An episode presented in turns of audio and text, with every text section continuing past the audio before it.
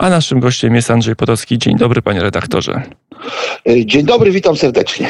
No dobrze, mamy ten polski nowy ład przedstawiony e, i mamy wątpliwości, mamy kontrowersje. Pan redaktor, mimo że e, ma z reguły poglądy konserwatywne, może właśnie dlatego, że ma poglądy konserwatywne, stał się krytykiem polskiego ładu. No, owszem, są rzeczy, które mi się w, w, Nowym Ładzie nie podobają. Y, trudno powiedzieć, żebym był krytykiem y, całości, a niemniej jednak jest kilka takich rzeczy, co do których miałbym uwagi i których bym najchętniej nie wprowadzał.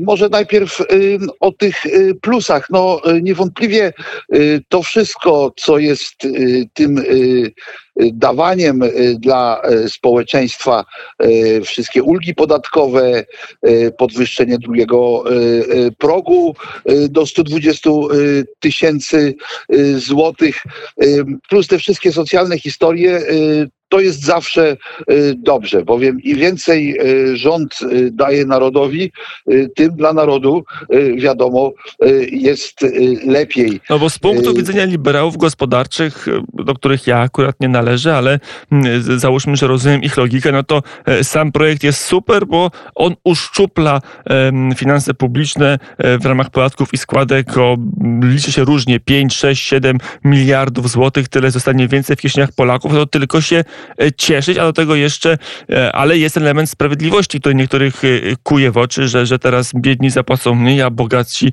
niektórzy bogaci zapłacą znacznie więcej. Osoby zarabiające powyżej 20 tysięcy złotych będą musieli się rocznie sporo, bo parę tysięcy dołożyć do mm, systemu opieki zdrowotnej. No nie no, te grupa tych ludzi jest e, trochę szersza, bo to dotyczy osób praktycznie, e, które są na działalności gospodarczej, będą zarabiały powyżej 6 tysięcy złotych. E, to już ich będzie uderzało. Potem następnym takim progiem jest jak gdyby 10 tysięcy złotych, a potem cała reszta. No pytanie jest takie, czy my musimy uderzać, my musimy uderzać w klasę, w tak zwaną klasę średnią, która dopiero w Polsce raczkuje. Moim zdaniem jest to dosyć niebezpieczne, y, bowiem, y, no, jak pokazują tutaj przykłady z całego świata, y, wszystkie państwa rozwinięte, tak zwane państwa Zachodu, mają jedną rzecz stałą i silną, to jest silna klasa średnia. Natomiast takie państwa jak państwa Ameryki Południowej dzielą się na dwie grupy. Na latyfundystów, mówię tak oczywiście w skrócie, i na, i na biedotę, czyli tych, co mieszkają w fawelach, natomiast ta klasa średnia jest minimalna. W związku z tym y, my y, nigdy nie mieliśmy silnej klasy średniej, nawet przed wojną, chociaż było dużo silniejsza niż dzisiaj. Nie mieliśmy też kapitału, co jest istotne, bowiem po 150 latach zaborów i dwóch wojnach światowych plus 50 lat komunizmu ten kapitał nie miał się kiedy odbudować. Jesteśmy de facto w stosunku do państw Zachodu opóźnieni w rozwoju rozwoju i my ten rozwój musimy gonić.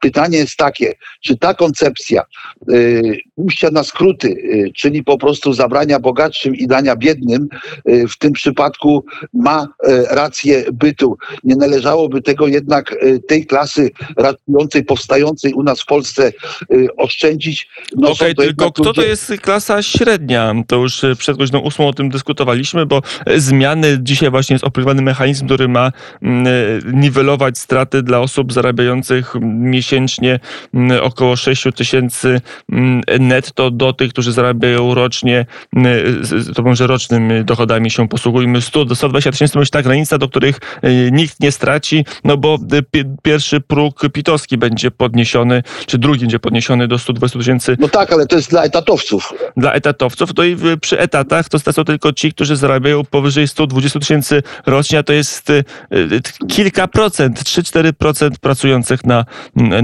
na, na, na umowę o pracę. No nie, nie tak, ale 3-4% y, tych ludzi. To nie jest y, klasa średnia. 3-4% najbogatszych to nie jest klasa średnia. No, w, jakim tak sensie, by... w jakim sensie, biorąc pod uwagę ich zarobki, czyli powyżej 6 tysięcy złotych i sposób działalności gospodarczej, czyli że jest to indywidualna działalność gospodarcza, oni się plasują do tej klasy średnio wyższej w stosunku do innych zarobków. No my mamy amerykańska klasa średnia i to jest Y, dwa samochody w domu, y, to jest y, domek pod miastem, to jest mieszkanie w mieście i to, że jak jedno straci pracę, to nic się nie dzieje. Natomiast nasza klasa średnia, zauważmy, to jest kwestia dwóch, niezapłacenia dwóch kredytów i ludzie lądują na bruku. No to jest ta różnica pomiędzy nami a Amerykανami. Jak tam uderzamy w Ameryce, jak no, Biden Ameryka mówi, nie miała, bogatych, nie miała rozbiorów i nie miała komunizmu i pierwszej i drugiej wojny światowej, która by się przez terytorium Stanów przytoczyła. Ostatnio taka wojna to secesyjna e, dla Stanów, no to będzie już e, za chwilę mm, przeszło 200 lat. E, to można było się dorobić. Zresztą w Stanach kiedyś robotnik Forda miał dom pod miastem, samochód, żonę niepracującą i kilkoro dzieci i żył całe, całkiem nieźle. W tej chwili to już jest przeszłość, bo bardzo mało Amerykanów, jakby ta klasa średnia w Ameryce też się zmienia i też się kurczy bardzo wyraźnie. No dobrze, ale wróćmy do naszej klasy e, średniej, ale to dlaczego miało być tak, że, że osoby jednak mniej zamożne miały procentowo bardziej dźwigać na barkach funkcjonowanie państwa niż osoby zamożniejsze? Czy to na pewno jest logiczna konstrukcja? Znaczy jak na razie to mówimy o podwyższeniu podatku, czytaj podwyższenie składki o 9,5% dla wybranej grupy osób. Yy, natomiast yy, ja rozumiem, że gdyby yy, składka dotyczyła wszystkich i ustalilibyśmy ją na jednakowym poziomie, to by było równo i sprawiedliwie, słusznie i zbawiennie. Natomiast ta składka uderza tylko i wyłącznie w ludzi, jak już wspomniałem, zarabiających powyżej 6 tysięcy, będących na własnej działalności gospodarczej. Cała reszta y, pozostaje praktycznie y, bez zmian i dalej to jest ryczałt. W związku z tym tu nie ma tej równości. Nie możemy mówić o równości. Ja bym po prostu w dużym skrócie, y, w dużym skrócie mam pewne, mam wątpliwości, czy tego typu polityka gospodarcza doprowadzi nas do przyspieszonego dobrobytu znaczy z jednej strony jest już, rząd powinien mieć jakieś doświadczenie w kwestiach 500 plus y, i sądzę, że z tego doświadczenia korzystał, y, y, sprowadzając nowe nowe takie, można powiedzieć, prezenty, y, nowe przywileje dla, dla, dla, dla, dla ludzi biedniejszych. No może to zaskoczy, może to będzie tym kołem napędowym, y, które ruszy gospodarkę. Dostaliśmy w końcu 770, czy dostajemy 770 miliardów z Unii Europejskiej. Pytanie jest takie, czy musi być konieczne uderzenie w tę klasę średnią? Ja rozumiem, że klasa, bo, bo też takie argumenty padają ze strony rządzących. Czasami się któremuś z panów polityków wymsknie, że no tak, ale ta klasa średnia to na nas nie głosuje, to nie jest nasz elektorat. Zgadza się, to nie jest ich elektorat. To prawda. Niemniej jednak, gdyby być może ten stosunek do tej klasy średniej nie był taki, aż można powiedzieć jawnie wrogi, bo wypowiedzi niektórych polityków są to y, nawet, zahaczają nawet o skandal. Y, tylko bardziej przyjazny, czy oni by sobie nie pozyskali tej grupy w końcu najbardziej efektywnej, która y, dostarcza prawie 70% dochodu dochodu narodowego. Spójrzmy na to w ten sposób, e, a nie zabierać bogatym, dawać biednym. No skąd ja to znam? No może ja mam urazy z punktu, a czy z, czasów y, komunizmu, taka polityka janosikowego. Jak już wspomniałem, nie mam nic przeciwko umownie nazywanemu rozdawnictwu. Taki to jest powiedzmy slogan, bo to nie jest do końca, to jest jednak program społeczno-gospodarczy, a nie rozdawnictwo, ale już operujmy tą nomenklaturą. Bowiem to może rzeczywiście dać kopa polskiej gospodarce i być tym kołem zamachowym, jak wspomniałem.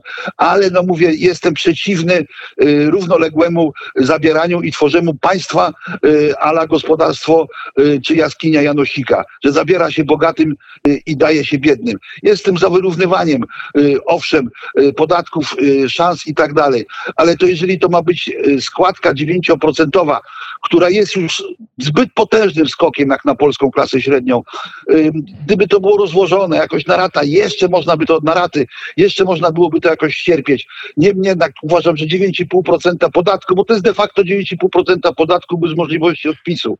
To jest zbyt dużo, zbyt mocne obciążenie. To ja jestem y, takim praktykom y, y, przeciwny. I tak jak Państwo widzą, y, jedno na pewno partii władzy się udaje angażować swoimi pomysłami debatę publiczną i to w bardzo różnych i bardzo nieoczekiwanych y, miejscach tej debaty publicznej. Andrzej Potocki, Tygodnik Sieci Telewizja w Polsce, portal w Polityce był gościem poranka wnet. Dziękuję bardzo. Dziękuję bardzo. A ja się wpiszę w ten nastrój pana redaktora i odczytam informację. Truskawki w tym roku będą opóźnione mm, o około dwa tygodnie. Chodzi o te zbiory naturalne na polach, nie e, szklarniowe, rzecz jasna.